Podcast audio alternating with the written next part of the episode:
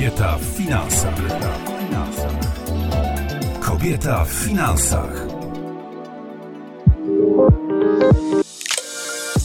Zacznijmy dbać o nasze finanse. O tym dziś będę rozmawiał z Martą Kobicką, którą bardzo serdecznie witam w studiu. Dzień dobry, Marto. Witam serdecznie. W jaki sposób możemy zadbać o nasze finanse? No, z moich obserwacji wynika, że brak kontroli nad własnymi pieniędzmi powoduje, że zachowujemy się trochę jak marionetki w czyimś teatrze lalek. I w zależności od tego, jaki ktoś ma humor, to gramy albo w dramacie, albo w horrorze. Mocne porównanie. Z czego to wynika? No chyba nie powiem nic odkrywczego, że winne tak naprawdę jest tutaj nasze poczucie własnej wartości. To ono uruchamia w nas różne lęki i ograniczenia, powoduje, że nie gramy głównej roli w naszym własnym życiu. I tak naprawdę to nie od ilości pieniędzy zależy jakość naszego życia i jakość naszego myślenia, ale właśnie od tego, w jaki sposób myślimy, powodujemy, że nasze życie jest i wartościowe, i mamy pieniądze. Marta Kobińska, dyrektor finansowa Międzynarodowego Holdingu, mentorka kobiet w zakresie budowania osobistej strategii finansowej. To może wystarczy zmienić myślenie. Według mnie tak, według mnie jak najbardziej. Tylko to nie jest tak jak włącznik i wyłącznik. Włączymy sobie myślenie i myślimy. Natomiast y, jeżeli my sami myślimy o sobie źle, to tak naprawdę nie pozwalamy innym, żeby myśleli o nas dobrze. Bo podświadomie przyciągamy ludzi, którzy albo nas kontrolują, albo nam coś nakazują, albo nas źle traktują. I w ten sposób niejako potwierdzamy tą naszą tezę. Kółko się zamyka. Ja uważam, uważam, że zmiana myślenia jest oczywiście jak najbardziej możliwa, ale żeby zrobić to na takim wystarczającym poziomie, wymaga to od nas wiele wysiłku i no nie każda z nas podejmie tą rękawicę i nie każda z nas podejmie się tych wyzwań, bo to jest mierzenie się z własnymi demonami. Ale żeby się tak zadziało, no to potrzebny jest ten bodziec do działania. Możesz rozwinąć? No takim bodźcem do działania może być i zwykle tak jest, że to jest jakaś trudna sytuacja. To może być. Rozwód? E, może być to rozwód, e, może być choroba, może bankructwo? być e, bankructwo, może być utrata pracy. Tego typu wydarzenia są zazwyczaj osobistą tragedią dla nas i pytanie, które mi się pojawia, no to po co czekać? Po co czekać, aż coś takiego nam się przytrafi? Bo my często łudzimy się, że to nas nie dotyczy, to nas nie spotka, nie mamy aż tak źle i brniemy w, albo w toksyczne związki, albo w spirale zadłużenia. I kiedy ten trudny moment przychodzi dla nas, że na przykład wpadliśmy w spirale zadłużenia i tracimy pracę, no to y, musimy się zmierzyć z bardzo dużymi lękami i taką niepewnością. Zobacz nasz Instagram i Facebook Piasek w butach oraz dołącz do grupy na Facebooku Kobieta dojrzała finansowo. To w takim razie w krokach. No nie wiem, niech, niech to będzie pięć kroków. Co możemy zrobić, żeby nie musieć się martwić o pieniądze? No jeżeli już podejmujemy decyzję, że chcemy mieć kontrolę nad naszymi pieniędzmi, super, brawo i każdej kobiecie powiem, że jestem z niej dumna, ale to dopiero początek drogi. Ważne, żeby zrobić ten pierwszy krok i wyruszyć w tą drogę. To konkretnie, pięć w takim razie konkretnych wskazówek. Okej, okay, no to odpowiedzmy sobie na pytania. Mhm, pierwszy.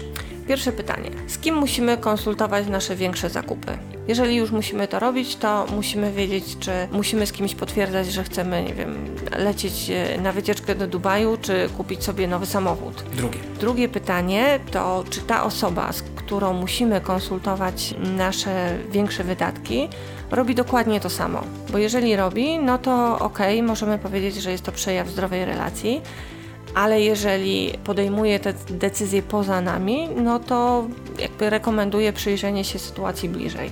Trzecie pytanie czy jesteśmy właścicielkami naszego konta bankowego? I to pytanie no może budzić pewien sprzeciw, że no jak to, no przecież zakładałam to konto bankowe, więc jestem właścicielką. Natomiast możemy mieć współwłasność, możemy również zlecić przelewanie wynagrodzenia na konto partnera i tutaj być współwłaścicielem. Jeżeli już się tak dzieje, to czy mamy swobodny dostęp do tych pieniędzy i czy na pewno jesteśmy świadome, że jest to jedyne konto, które nasz partner posiada. I nie chciałabym też, żeby to zabrzmiało jak taka próba doszukiwania się, nie wiem, nieszczerości, kłamstwa i jakiegoś takiego, powiedzmy, zakłamania w związku, ale jeżeli nie jesteśmy właścicielkami konta, na które są przelewane nasze pieniądze, no to zadbajmy o to, aby mieć e, wgląd chociażby w miesięczny wyciąg bankowy i analizujmy sobie wpływy i wypływy z rachunku, bo to według mnie nie jest takim przejawem podejrzliwości, raczej bym powiedziała, że to jest przejaw odpowiedzialności. Cztery.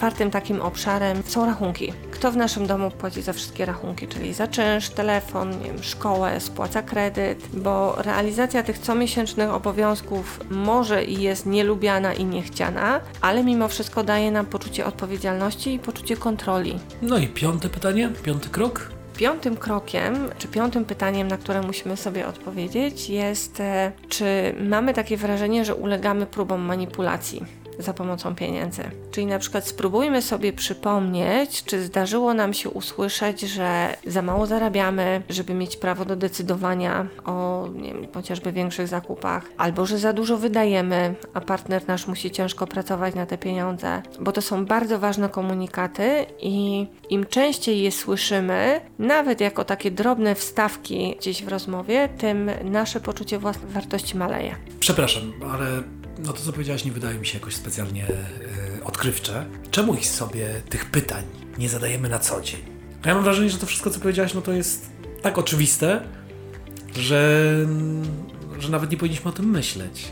No bo to jest oczywiste, tylko my sobie nie zadajemy tych pytań, bo podświadomie boimy się odpowiedzi. Jeżeli mamy sytuację taką, gdzie nie wiemy ile mamy na koncie, nie podejmujemy decyzji finansowych, no to zmierzając się z odpowiedziami na te pytania, no będziemy musiały coś zrobić będziemy musiały podjąć jakieś działanie. I to bardzo jest ciekawe z punktu widzenia takiego psychologicznego, że my chcemy zmiany, ale jest nam się trudno zdobyć na szczerość z samą sobą. I to szczególnie też dotyczy kwestii finansowych, bo nam kobietom często powtarzano, że y, o pieniądzach nie wypada rozmawiać, że to jest temat tylko dla mężczyzn. Więc no jeżeli tak nam powtarzano przez wiele, wiele lat, no to dlaczego miałabym się upominać o dostęp do wyciągu ciągu bankowego. Przecież od razu wysyłam sygnał partnerowi, że mu nie ufam. A jeżeli wysyłam taki sygnał, no to wystawiam naszą relację na próbę. No i po co to robić, jak jest dobrze tak, jak jest?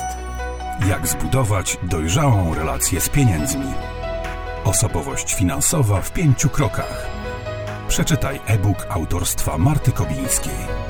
Piasek w butach.pl No właśnie, jest dobrze tak jak jest. Po co więc cokolwiek zmieniać? Przede wszystkim osoba, która kontroluje własne pieniądze, przestaje być też niewolnikiem własnych lęków. Przestajemy unikać wyzwań związanych z pieniędzmi. Stajemy się bardziej pewne siebie i tak naprawdę o to nam chodzi, bo mając pewność siebie, czujemy się i bezpieczne, i wolne. I o tej wolności będziemy rozmawiali w kolejnym naszym spotkaniu. Na ile pieniędzy zasługujemy? Czyli rozumiem, że poruszymy temat tego, jak wyceniać siebie. Tak. Marta Komińska, bardzo dziękuję i jeszcze zapraszamy na Facebooka i na Instagram. Tak, zapraszamy na Facebooka i na Instagram piasek w butach.pl, więc tam znajdziecie wiele informacji, wiele wskazówek, jak sobie budować dojrzałość finansową. I grupa? Kobiety dojrzałe finansowo. Na Facebooku. Na Facebooku grupa nazywa się Kobiety dojrzałe finansowo. Zapraszam serdecznie. Marta Kobińska, dziękuję za rozmowę. Dziękuję bardzo. Tomasz Słodki, do usłyszenia. Kobieta w finansach. Kobieta w finansach.